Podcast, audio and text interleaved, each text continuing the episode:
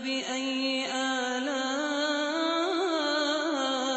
ربكما تكذبان Kemudian beliau berpindah ke pembahasan yang lain. Dan ini pembahasan yang kelima di dalam fasal ini. Kalau misalnya ada yang melakukan jima dua hari atau lebih, berapa kali dia bayar kafarah? Kata beliau, wa in jama'a fi yawmaini. Kalau dia melakukan jima pada dua hari. Au karrarahu fi yawmin wa lam yukaffir. Atau satu hari tapi dia lakukan berulang kali di satu hari itu. Dan dia belum bayar kafarah. Fakafaratun wahida fi thaniya wa fil ula ithnatani.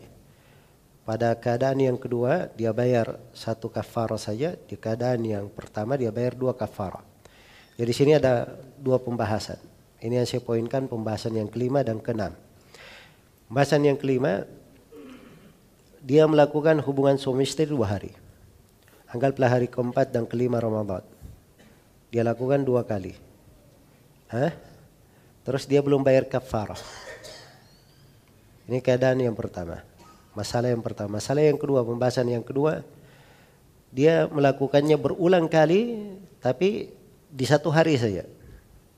Di satu hari. Iya. Pertanyaannya berapa kali bayar kafarah? Kalau penulis terangkan apabila dua hari, hari keempat dan hari kelima misalnya, maka dia bayar kafarah dua kali. Tapi kalau dia ulangi berulang kali satu hari saja, maka bayar kafarahnya cuma sekali saja. Bayar kafarahnya cuma sekali saja. Dan ini benar ya yang disebut oleh penulis rahimahullahu taala di sini. Iya. Karena hari pertama kalau dia dua hari itu sudah berbeda, berbeda kewajiban di situ. Masing-masing ada hukumnya pada setiap harinya. Tapi kalau dia satu hari, kapan dia melanggar di situ, terus melanggar dari jenis yang sama, melanggar dari jenis yang sama di hari itu, maka dia bayar satu kali kafar bisa menutupi semuanya. Jelas ya? Ada orang yang mencuri, kemudian mencuri, kemudian mencuri, mencuri. Ditangkap. Berapa kali dipotong tangannya? Hah? Empat kali? Satu kali saja. Jelas ya? Satu kali saja untuk hal tersebut. Baik. Jadi ini pendekatannya untuk pembahasan ini dan taklil yang disebut oleh penulis di sini kuat ya di dalam pembahasan. Kemudian pembahasan yang ke tujuh, pembahasan yang ketujuh. Ini pembahasan uh, apabila dia melakukan jima ya kata beliau wa in jama'a thumma kaffara thumma jama'a fi yawmihi.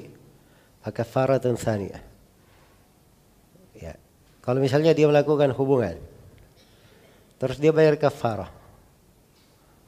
ya terus di hari itu juga dia jima lagi. Setelah bayar kafarah jelas ya? Maka dia bayar kafarah yang kedua. Dia bayar kafarah yang kedua. Ini madhab yang disebutkan oleh penulis di sini. Iya. Jadi pahamin ya masalahnya. Iya. Jadi sekarang di hari satu hari dia melakukan jima, berarti dia sudah melanggar. Begitu dia tahu melanggar langsung dia bayar kafarah, dia bebaskan budak misalnya. Ini budakku bebas. Hah? Itu jam 10 pagi. Terus jam 2 siang di hari itu dia ulangi lagi.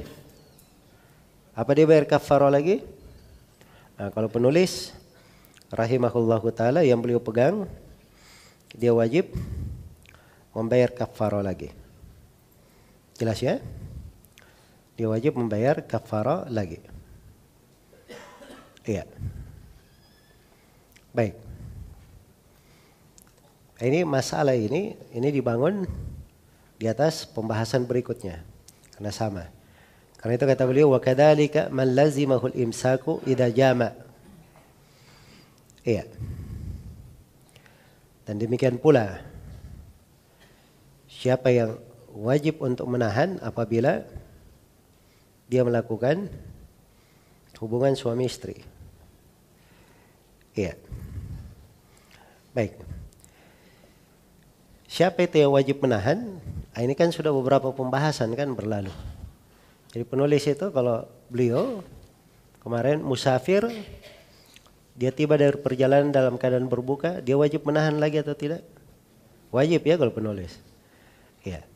Orang sakit, begitu dia sembuh, dia wajib menahan atau tidak? Wajib.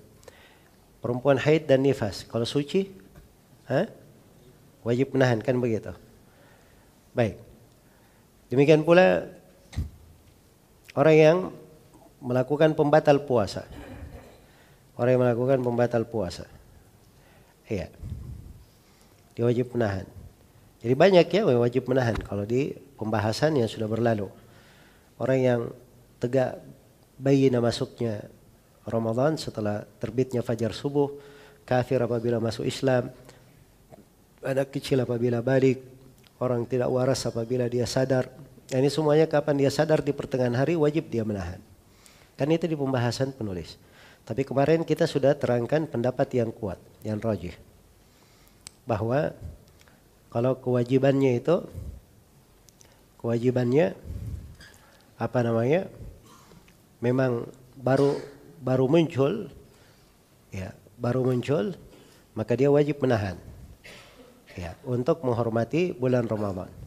Tapi kalau dia asalnya dari ahli wujub, orang yang memang sudah wajib tapi ada udur, maka di sini tidak mesti, tidak wajib dia menahan.